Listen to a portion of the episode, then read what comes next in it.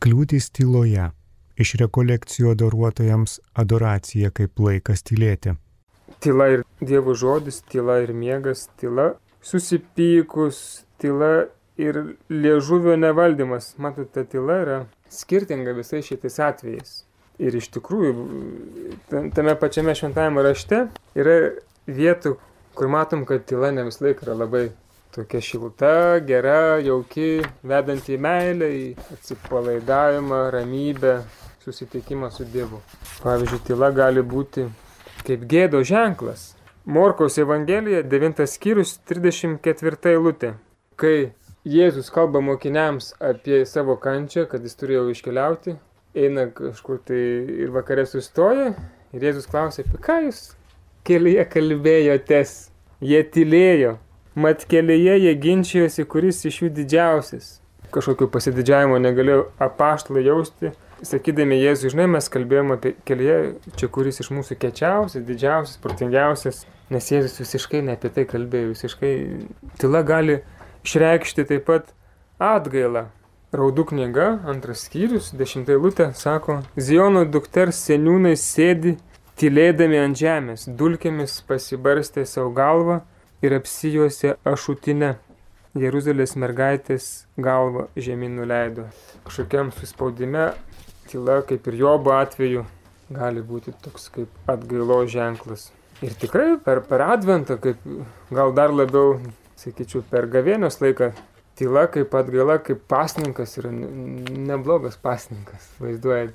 Gal kartais reikėtų pakeisti arba papildyti pasninką nuo mėsos, pasninkų, nuo liežuvio nevaldymo, panašiai, nuo triukšmo, vaizdų, vaizdinių sukiausių triukšmo.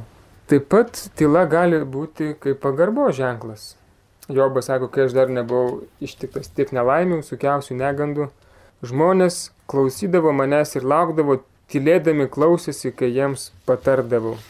Žodžiu, tyli, žmogus kalba ir kai kiti tyli, toksai pagarbo ženklas. Matot, yra visiškai skirtingos prasmės tos tylos. Galima tylėti iš baimės. Tylėkite tolimosios salos, šaukia pranašas Izaijas. Prieš mane, tai čia prieš Dievą, laukite mano žodžių tautos. Arba Mozė draugė su levitais kunigais kalba visam Izraeliui tardami. Tylėk ir klausykis Izraelį, šią dieną tapai viešpatės tavo Dievo tauta. Čia buvo pakartotų įstatymų knygoje 27 skyriuje, 9 eilutė. Ir tyla tokia gali būti ir ledinė, susi, susipykus, pavyzdžiui. Tris savaitės nesikalba su savo brangiausiu arba brangiausiai, nes susipyko, supyko, kažko net leidžia, tyli. Tokia bausmė. Dabar iš manęs neišgirsi, ne žodžio, tyla. Gali iš tikrųjų žmogų išvaryti iš proto kai kitas visiškai nebereaguoja į klausimus, į kažkokius prašymus ir panašiai. Visiškas toks ignoravimas. Šventajame rašte kartais panašiai gali toks įspūdis susidaryti, kad tarp Dievo tautos, tarp žmogaus ir Dievo toks santykis atsiranda. Dievas kartais tyli ir nelabai galima suprasti, kaip, kodėl Dieve tyli. Pavyzdžiui, Izaijas, tas pats pranašas Izaijas, 64 skyrius jisai šaukė. Ar po viso to gali susilaikyti viešpati, ar vis dar gali tylėti ir tai baisiai mus skaudinti? Psalmistas 83 psalmėje šaukė, Dieve, netylėk, nebūk man kurčias, ar tylus, Dieve. Atrodo, Dievas specialiai kažkaip tyli. Ateinate į adoracijos kupritėlį, kažką sakote, tyla, nieko, jokio atsakymo. Gali toks būti įspūdis. Pavyzdžiui, Jobas irgi kalba, bet jis per savo kančią tokį įgyja nuolankumo, kad sako, kaip Dieve, aš nesuprantu, bet negaliu tavęs smerkti, aš visko nesuprantu, bet kažkas man sako, kad čia yra slėpinys, kažko nesuprantu, bet negaliu tavęs kaltinti. 34 skyriuje 29 eilutė byloja, jei jis tyli, tai reiškia, jeigu Dievas tyli, kas gali jį smerkti? Jei jis slėptų savo veidą, kas galėtų jį matyti? Ar tai būtų tauta ar žmogus? Ir tyla taip pat gali būti tos tokios pagarbios baimės raiška. Pasitikėjimu Dievu, nors ir nesuprantu, tokioje naktyje atrodo Dieve, kodėl tu tyli, va, tuos visus nedorelius išblaškyk, atstatyk teisingumą, mane skriaudžiu kažkas neteisingai, užstok mane, arba ten kažkokia nelaimė ištiko, neteisingai nekaltą žmogų. Kodėl tyli? Psalmės mums taip pat padeda. Ir, pavyzdžiui, taip pat 39 psalmė sako, tyliu burnos netveriu, nes tu tai padarai, tu Dieve tai padarai. Drebėkite tad ir nenusidėkite, atsigulę apgalvokite širdimi ir tylėkite. Arba kita psalmė, iš dangaus tariai savo nuosprendį, žemė nutirpo iš baimės ir tylėjo. Tylėk prieš viešpati Dievą, juk viešpaties diena arti. Juk viešpaties diena arti viešpats paruošė krūviną auką, pašventė savo svečius. Čia iš Sofonijo knygos pirmas skyrius. Ir tikrai matom kartais Dievą, kuris nutraukia tylą. Yra tokių psalmių, kur ten viešpats praskleidžia ten vandenino gelmes iki dugno su visokiais vežimais atrėda gelbėt to, kuris šaukėsi jo nelaimėje. Ir jam iš nervių veržiasi, veržiasi ugnis ir dūmai. Beros 17 psalmė. Arba 50 psalmė. Tikriausiai šventam rašte bus 51. Mūsų Dievas ateina, bet netyliai. Pirma jo ryjanti ugnis aplink jį nuožmė audra. Matot, yra ir tylos, ir tokios netylos Dievo gyvenime. Jis nėra vien tik tais švelnutis, gerutis, bet yra situacijų gyvenime, kada Dievas tikrai nustoja tylėjęs. Kaip mums atrodo, kaip jums atrodo, kuris labiausiai nutraukia tą tylėjimą. Aš sakyčiau, tai yra didžiausias tylos nutraukimas yra būtent tai, ką mes išgyvenam per adventą. Dievo laukimas yra tokios giesmės, kur sako, Dieve išlyk iš dangaus savo teisingumą ir jis išlyja tas lietus, kuris nukrenta į žemę ir išreiškia Dievo tapimą žmogumi ir didžiausias jo meilės riksmas žmogau, aš tavęs nepalikau ir nepaliksiu niekada yra kryžius. Labai tyliai jisai, nu, jis sušunka garsiu balsu viešpatį, kodėl mane apleidai, bet tie žmonės, kur ten stovėjo, visiškai nesuprato, kokia yra reikšmė to įvykio. Didžiulė. Kad tai nusprendė. Įvyko atpirkimas viso pasaulio, visų laikų. Šiais laikais gyvenusių žmonių atpirkimas. Atstatymas radikalus, galutinis atstatymas blogio, neteisybės. Po prisikėlimo ir toliau mes sergame, toliau mirštame, bet jau yra iškovota kova. Viltimi mes artinamės prie to galutinio išsipildymo mūsų gyvenime, prisikėlimo išsipildymo mūsų gyvenime. Bet viešpats jau tą kovą yra iškovojęs, mums tik reikia eiti paskui jį. Taigi visokiausios yra tylos rūšis. Taip pat buvo vienas patikslinimas dėl tų malonių, kurias jūs galite šienauti apščiai eidami į adoraciją, kalbėdami vainikėlį. Netgi jeigu ir žinai, kad Dievas tau padėjo ir ne vieną kartą, bet kai atsiduri bėdoje, apima baimė ir panika. Klausimas, tai, ar tai yra silpnas tikėjimas? Tikriausiai viešpats taip sakytų. Būtų galima ir kitaip pasakyti, tai yra tikėjimas, kuris yra kviečiamas, pašauktas e, stiprėti, aukti. Kai einam iš pažinties, netampam šventais iš pirmo karto. Iš pažintis nereiškia, kad nėra jokio postumio, jokio pokyčio. Kiekvieną kartą, kai mes einam iš pažinties, ta nutrūkusi virvelė yra surišama. Kai surišat mazgą, atstumas trumpėja iki viešpatės. Mes sakome, viešpatė, aš tą patį padariau, ne? nieko aš čia nelabai ne ką pasistengiau. Bet viešpats sako, tu nepergenk, vienu laipteliu arčiau manęs. Čia vyksta kova dviem lygmenėmis. Tiesiogiai, ta prasme, matau, kad yra progresas arba ne, sekasi išlipti iš nuodėmės arba ne, bet yra dar tas požeminis, galbūt netgi svarbesnis dalykas, kuris vyksta, tai tas pasitikėjimas viešpatį. Neturiu ką pasakyti, tą patį padariau, bet einu pas tave, pas ką mes viešpatį eisime. Kaip Petras sako, tu turi amžinai gyvenimo žodžius, pasitikiu tavimi viešpatį ne aš pats savo jėgomis išsikapanosiu, bet puolu į tavo rankas kaip Dovydas, ar ne, kai jam sako, ką renkės. Karas, maras ar dar kažkas. Tai. Sako, aš nepulsiu į žmogaus rankas, bet viešpatai tavo rankas. Taip ir per išpažinti. Ypač kai jaučiam, kad tas mūsų tikėjimas silpnas, tai šaukim kaip Evangelijos tas žmogus, tėvas, kuriam Jėzus sako, kiek galiu dar jūs čia pakesti, jūs netikėliai. O tas tėvas sako, tikiu viešpatė, Padėk mano netikėjimui, sustiprink mano tą tikėjimą. Kaip pabėgti nuo minčių, kurios apipuola iš visų pusių? Iš tikrųjų, kad įeitumėte į tylą, neužtenka užjungti radiją, užsirakinti savo kambario duris ir atsisėsti į patogią sofą arba į patogų maldos kampelį, nes kai tik jūs nusiraminate, kai nieko daugiau nebesigirdi, kai pasiliekate su savimi, tada jūs išsigastate, nes ima kilti iš vidaus visokie vaiduokliai, tokie baubai, prisiminimai, mintis, kažkokie vaizdiniai, vaizduoti įsijungia, gal man geriau grįžti atgal į tą visą veiklą, kurią buvau ką tik užsiemęs, užsiemusi, nes išsigastų mintis, kaip su mintimis kovoti. Čia, sakyčiau, yra didžiausias iššūkis einant e, adoruotojams. Tai išorinė tyla, per kiek laiko mes su ja susidraugaujam, bet kaip viduje įeiti į tylą. Mes matysim dabar, kaip tik, nu, kokios yra tos kliūtis tylai. Kaip su tomis kliūtimis daryti, kaip jas įveikti, Ar yra kažkokių vaistų? Ar turėsime iki, iki gyvenimo pabaigos grumtis su minčių spiečiumi, kaip Don Kichotas, kuris kovoja su vėjo malūnais? Taigi didžiausias kliūtis šiai tylai, aš nepretenduoju padaryti visišką išsamų traktatą apie visas įmanomas kliūtis, tiesiog keletą galbūt tokių pagrindinių kliūčių, kas trukdo.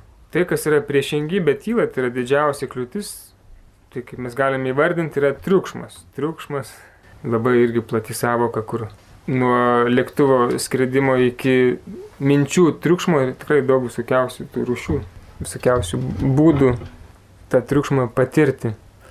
E, triukšmas tam tikras chaosas, betvarkė, kur ten labai kažko tai neapibrėši, bet pasiekmes, vaisiai, kokie yra jo, tai sukelia tam tikrą nerimą. Nerimas, kuris veda tam tikrą apgaulę. Kaip ką tik minėjau, sustoja tylai, maldai, išlenda kažkoks įžeidimas, kurį vakar patyriau.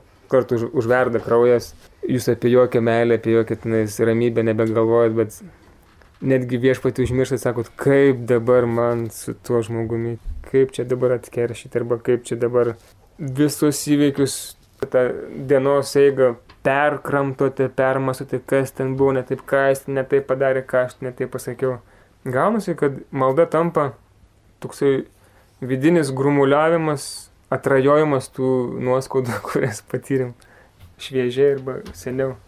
Ir tada kyla tokia mintis, klausyk, kam tu kankinys, pasimk savo motociklą, važiuok, pasivažinėti arba nueik į diskoteką, ten draugai, žodžiu, į barą, atsipalaiduok, užmiršk, prie jūros nuvažiuok pasivaikščioti arba nors į, į kokią šalį pailsėti. Kitaip tariant, nepasilik tyloje, nes tau čia yra baisu, pakeisk tą tylą triukšmu. Nesakau, kad viso to nereikia daryti, bet toks yra triukšmas, jisai turi tam tikrą vidinę logiką, kur sako, va, tau yra sunku, nu, tai dar reikia padidinti triukšmo dozę, kad nesigirdėtų tų vidinių balsų Ir galų gale tikslas koks yra, nu, kad to mažo balselio nesigirdėtų. Dievas Elyjų kalbėjo ne per audrą, ne per ugnį, ne per kažkokį tai žemės drebėjimą, bet per tylų šnarėjimą. O triukšmas, jisai, nu, kai užsuka garsą, kai dar kažkokį daugiau triukšmo atsiranda, to balso nebeįmanoma išgirsti. Ir tai gali sukelti tam tikrą priklausomybę nuo to triukšmo. Nežinau, gal esate patyręs savo aplinkoje, grįžta vaikas iš mokyklos, pirmas dalykas įeina padarys portfelis kuprinai į kairę, muzika į dešinę, garsas ir arba su ausinėm vaikštai ir sako, ką tu čia darai, sako, ruošiu pamokas, nematai, bet daug triukšmo aplinkui. Priklausomybė gali išsivystyti. Jam ima rankos drebėti, jeigu jis pasijunta bent akimirką tyloje viskas tylu, ausise tai spengti. Tai yra tam tikras melas iš tikrųjų, reikia atrasti, kad tai nėra iš tikrųjų išeitis, tai nėra tiesa, manęs tai nedaro laisvo, mane tai daro vergu, tai yra melas. Šitas kardinolas Sara, Robertas Sara, mūsų pasaulio drama yra tai, kad atsiskleidžia per beprasmiško tokio triukšmo, tokį įniršį. Yra daug beprasmiško triukšmo, kuris yra atkakliai nukreiptas prieš tylą. Viskas daroma, kad tik nebūtų tylos. Sako, ši epocha nekenčia tai, ko link mus veda tyla. Tai reiškia, ši epocha, mūsų laikmetis nekenčia susitikimo, nuostabos ir atsiklaupimo priešais Dievą. Nes tyla veda į susitikimą su kuo? Su savimi, su kitu, galiausiai su Dievu. Nuostabos, nes jeigu vis laiką pilni, pilnos akis vaizdų, pilnos ausis garsų, tai visur triukšmo to saulėlydžio taip ir nepamatysime. Nebus nuostabus, nes nu, nebus laiko tam nustebimui atsirasti. Ir jo labiau atsiklop prieš viešpatį nelabai veda šių laikinis tas toksai bėgimas, įsisukimas į visokiausių veiklų verpet. Kita kliūtis, čia viskas yra susiję, bet truputėlį išskaidysime ir truputėlį pažiūrėsime savo tą patirtį, kad atpažintumėme blaiviau, kaip sakant, spręstumėme. Kitas dalykas, kuris nepadeda tylai, tai yra tuščias plėpėjimas. Čia kažkas, kas išeina iš mūsų, galbūt iš tam tikro įpročio, įpratimo, Nes žodis gali lengvai tapti tuščių plėpėjimų, ypač jeigu nėra tylos. Jeigu jums daktaras diagnozavo, sako, ponė arba ponė, sergate tuščių plėpėjimų, bet tų vaistų, kuriuos jis prirašo, išrašo, reikėtų dar savo pasakyti, man taip pat reikėtų galbūt laiko skirti daugiau tylai. Izaijas 30 skyriuje rašo, ramybė ir pasitikėjimas yra jūsų jėga. Vulgatos tekstas reiškia latiniškas tekstas, jis kalba truputį kitaip, sako, insilencijo et inspe erit fortitudo vestra. Nesako, kad ramybė ir pasitikėjimas, bet tyla ir viltis bus jūsų stiprybė. Tyla yra mūsų stiprybė. Stiprybė šiuo atveju prieš tą tuščią plėpėjimą. Atsispirti tuščiam plėpėjimui.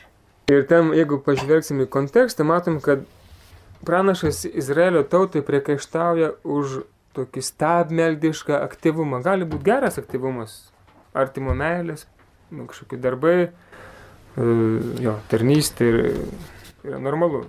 Bet čia jisai priekaištauja už stabmeldišką, stabu tapusi aktyvizmą, tokį aktyvumą.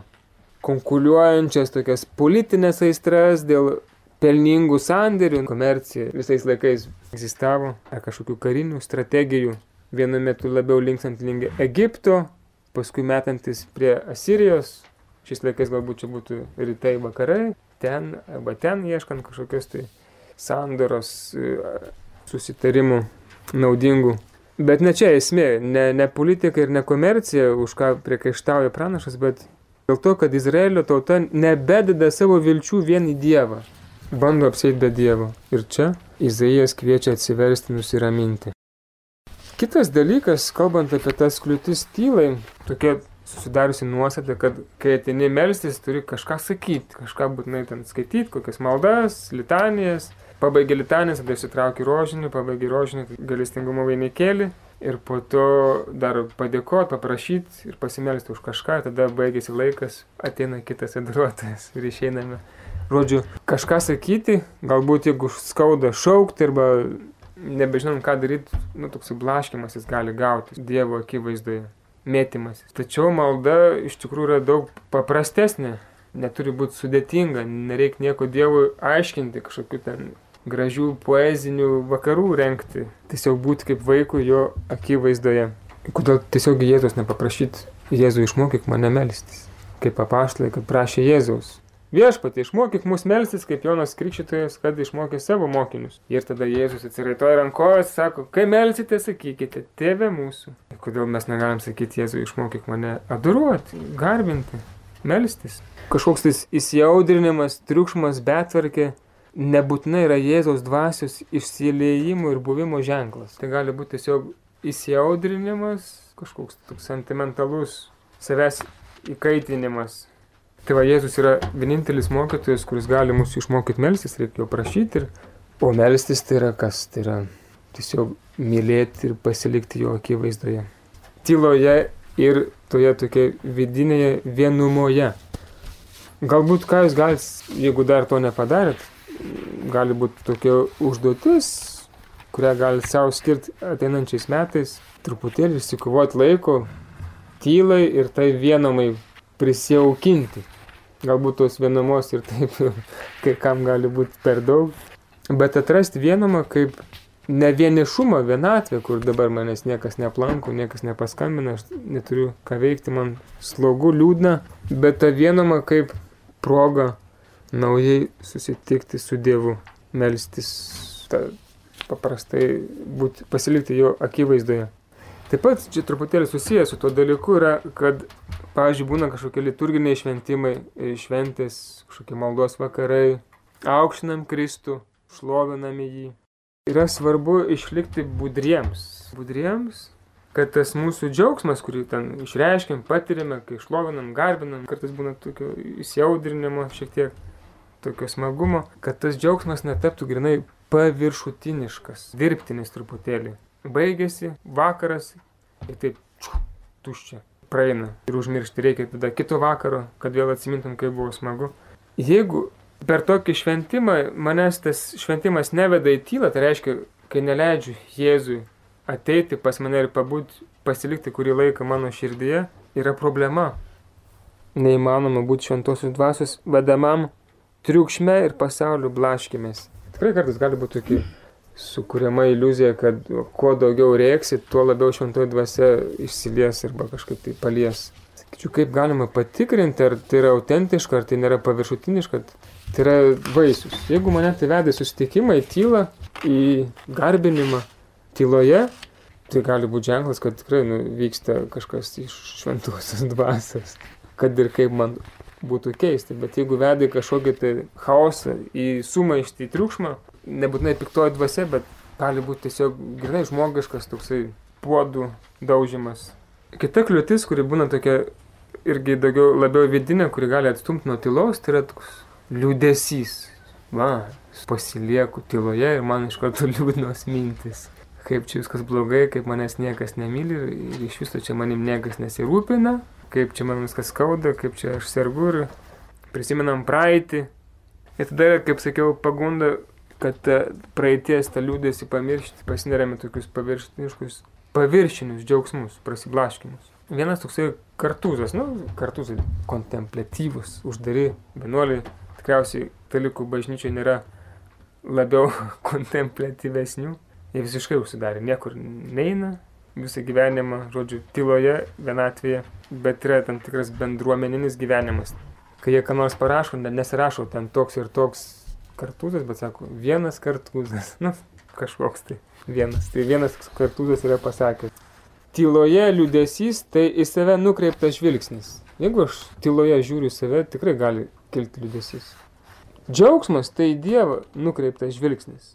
Matot, jeigu liūdėsyje aš žiūriu į Dievą, yra šansų, kad tas liūdėsys jisai praeis. Nes Dievas nėra liūdnas. Prisimenat, jis yra didžiausias įsimylėjėlis, o įsimylėjėliai nebūna liūdni. Kam reikalinga tyla, sako, klausė tas kartūzas ir atsako, tam, kad išeitume iš savęs, mąstytume apie Dievą, vietoj to, kad mąstytume apie save pačius. Čia galima būtų daug kalbėti irgi ir lyga kaip depresija. Tikriausiai irgi kažkiek yra, gali padėti netgi ir su depresija kovoti, jeigu vietoj to, kad sakyčiau, kaip viskas liūdna, kaip čia viskas blogai, nėra prasmės, beprasmybė, juoda, gręžti žvilgsnį į Dievą. Atras, kad toje juodumoje, toje mano lygoje pasimetime ir beprasmybėje kažkokia šviesa matosi, kad nesu vienas visiškai. Žinoma, didžiausia tikriausiai kliūtis tylai, taip jeigu apibendrint, tai yra puikybė. Puikybė, kuo žmogus labiau pats nori tapti Dievu, užimti Dievo vietą, tuo labiau jis kratosi tos tylos. Nenori tos tylos, atmeta ją. Tyla yra rojus. Kaip mes matėm apokalipsė prieškime, yra daug tylos, bet sako, žmogus iš karto nepastebi to rojaus tyloje, mato kažkokį ten ausise spengiantį dalyką, bet nebūtinai iš karto, kad tai yra rojus. Nes žmogus, sako, yra prisipildęs prieštaravimų, prisigaudęs visokiausių prieštaringų dalykų, kurie iš vidaus ten traško, braškina. Sako, Dievo akivaizdoje turėtume būti kaip vaikai. Paprasti, nu, vaikas, jis, kai jis žaidžia, jis žaidžia, jis verkia, verkia, jis juokis, juokis. Kai jis yra tėvo rankose arba mamos rankose, ramiai miega, netgi selė varva per burną. Suaugę truputį komplikuotesni, tokie netgi miegodami kartais košmaras visokius sapnuoja ir negali užmigti. Tai va būtų galima apibendrinti, kad šio laikinio pasaulio tragedija, čia nebūtinai reikia išvelgti pesimistinę kažkokią natą, bet nu, tokia drama slypi štai, kur žmogus atsitolina nuo Dievo, nes nebetikė tylos vertė. Kam reikia tylėti? Nereikia tos tylos, reikia, kad būtų ir muzika, džiaugsmas, linksmybės, viltis. Gaunasi tiek to džiaugsmo, tiek to visokio garso, kad jis tampa triukšmu ir tylai vietos nebėra. Ir nebėra vietos Dievui. Ir toksai grėsmingas kardinolo įspėjimas, aš jį pats esu sutikęs, ta prasme jisai keletą iš mūsų brolių yra išventinės kunigus Prancūzijoje, jisai vedė rekolekcijas, tikrai jo klausydamas, jis jį matydamas, sakau, bet negali būti, kad ir kardinolas, toks nu, nuolankus žmogus, tai labai nuolankus. Bet čia jisai grėsmingai sako, sako, jeigu pasaulis iš naujo netras tylos, jis pražus, jeigu ne pasaulis netras iš vidaus to tokio nuvertės, tylos vertės, tas triukšmas užgoš, užgoš Dievą žmogaus širdės, jo neišgirs, jisai nutrokš, be, nes nebegirdės Dievo balsų, nebegirdės Dievo šauksmo žmogaus širdyje.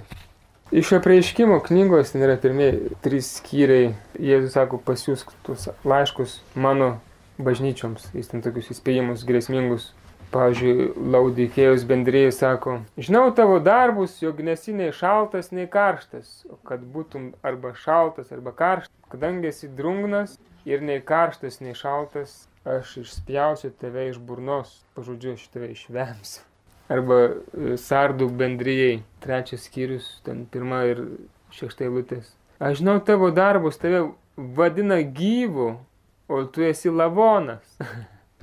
Prabusk ir stiprink, kas dar nenumirė. Aš nerandu tavo darbų, kurie būtų atlikti mano Dievo akivaizdoje. Dievo akivaizdoje? Tai nereikia keliauti minulį, kad būtų Dievo akivaizdoje. Dievo akivaizdoje mes esame per tylą, tyloje. Galbūt labiau čia į pabaigą, kalbant apie tas visas formas triukšmo. Žodžiu, kokios yra kitos parazituojančio triukšmo formos. Žodžiu, reikia mūsų tylą saugoti nuo visokiausių parazitų, nuo virusų, kurie pirmiausia yra triukšmo įvairios formos. Pavyzdžiui, pirma, arba jau čia nežinau kokia aštunta pagal sąrašą, tas mūsų aš, vidinis aš, toksai ne tas teigiamas, bet toksai verkšlenantis, aš besiskundžiantis, pastoju besiskundžiantis, reikalaujantis savo teisių ir, vadžiu, visą tai, kas mus veda į perdėtą susirūpinimą savimi, savo sveikata, savo ten gerbuviu, kaip jie sako, nebūkite kaip pagonės, ne, kurie ten sako, ką mes rytoj valgysim, ką, kuo vilkėsime, bet tai perdėtai, perdėtai. Tai jisai sukelia tam tikrą triukšmą, nepatenkintas aš. Toksai bumbeklis vidinis, jisai yra triukšmo šaltinis.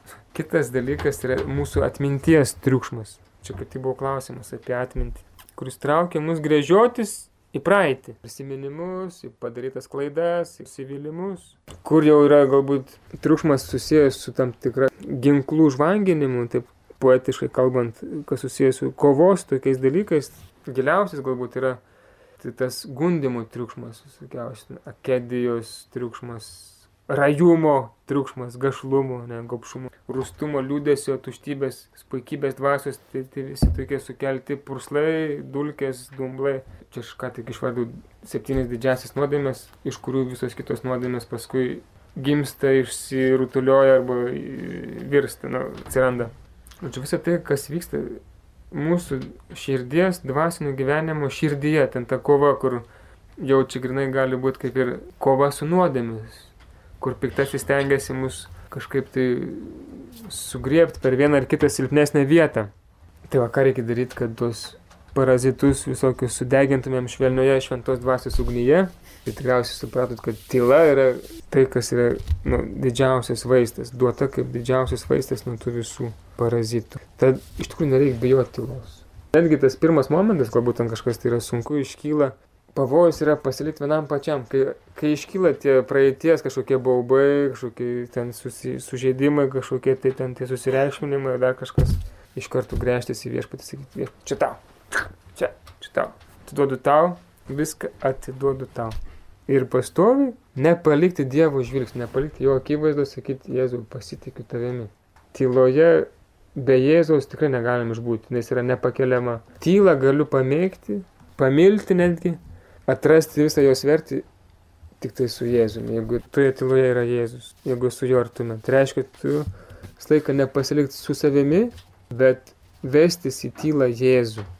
Apibendrinti galima būtų sakyti, kad žmonės, nu, asmenys, nu, mes, kai gyvename triukšme, esam panašus į vėjo keliamas dulkis. Tampame blaškimosi vergai ir tai mums sugriauna santyki su Dievu. Jeigu esame nu, tos tylos ir vienomos Dievo akivaizdoje įsimylėjėliai, nu, atradę džiaugsmą būti su Dievu, tada žingsnis po žingsnio mes, kad ir sunkiai, einame link Dievo. Ir tie žingsniai taip pat padės tuos visus parazitus atmesti. Dabar perinu prie, prie kito dalyko, norėčiau truputėlį pakalbėti apie vaistus. Išvardinam problemas, skirtingas triukšmo rušis, kaip gydytis, kas gali būti pagalba. Tai galbūt pirmiausia švento rašto skaitimas, lekcijų devyna. Tas pats nuolankumas, tenktis nedaugia žodžiauti, kas susijęs su mintimis, tai nesusitapatinti su mintimis. Toksai buvo karmelitas žodžio žmogus taip pat, kuris gyvena vienuolinį gyvenimą, kontemplatyvų, Prancūzijoje kažkur kaip Teresėlė, mažoji karmelitė, įsirašo per vidinę maldą. Sako, stengiamės visiškai atsisakyti, iššokti į tuos pravažiuojančius traukinius ar praplaukiančius laivus. Laika virš mūsų ten skraido malūnsparniai, sraigtasparniai, bet ne, tegul jie skraido, nieko jums nepadarysim. Jie laikas skraidys, bet mums yra svarbu neleisti jiems nusileisti, nutūpti į mūsų kiemą. Čia tokia vaizdinga kalba, kalbant apie tas mintis, kurios ten kažkur tai aplinkui mus blaško. Sako, kad tai pasiektume, labai svarbu savęs nesutapatinti su tomis mintimis. Negriepti jos kaip tarsi būtų, va, čia yra mano vidinė esminė problema, aš turiu įsikabinti tas mintis, čia iš manęs, nu, nesusitapatinti su tomis mintimis, bet atvirkščiai, sąmoningai savo pasakyti, įsisąmoninti, kad jos pas mus ateina iš šonų. Žodžiu, mes tylime ir ten giliai, giliai, giliai kažkur tai pasirodo vaizdinys. Mes sakom, o, čia, čia mano gyvenimas. Ne, čia yra kažkoks tai praeinantis vaizdelis iš, iš praeities, galbūt va, kažkokia mintis. Matot, kas yra svarbu. Aš dabar čia nuo savęs sakau, tas gilusis aš, tai yra mūsų pasirinkimai.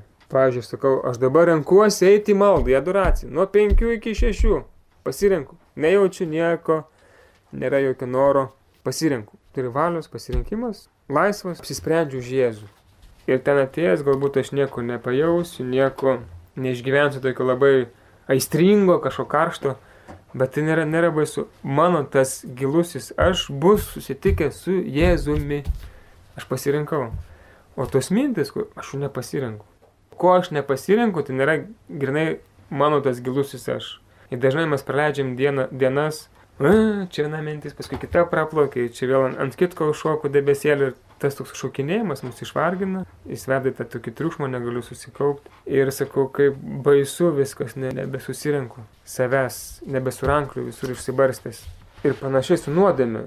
Galima išpažinti ir išpažinti, nu va, man buvo kažkokios tai apsirijimų, kažkokios mintis. Aš per adventą save mačiau šaldytuve valgantį ledus Jo, mintis, iš kur atėjo, gal čia mano iš tuščio mano skrandžio, gal čia, gal čia koks velnis man jausi.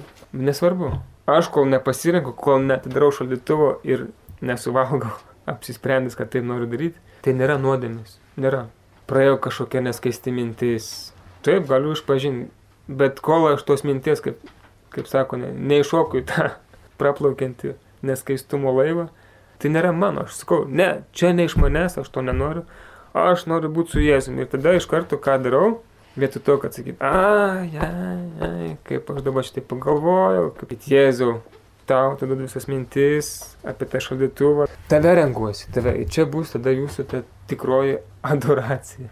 Jūs renkatės Jėzus, jam dovanojat savo laiką, kad ir daug buvo nesėkmių, kažkokių užsiblaškimų, užmėgimų ar panašiai nuovargio, bet tas tau atiduodu, renkuosi tave, daro, kad jūsų adoracija yra tikrai vertinga, tikra, kad Jėzus patenkintas, nes jūs atidavėt save. Taigi viso, ko viešpats iš mūsų prašo, tai pasilikti šitoje tyloje, kuri yra pats gražiausias šlovinimas, kurį jam galėtume skirti. Visų šlovinimų gražiausias yra šis pasilikti tyloje, adoracijoje. Kliūtis tyloje. Iš rekolekcijų adoruotojams adoracija kaip laikas tylėti. Vedė brolis Jonas Chrizostomas.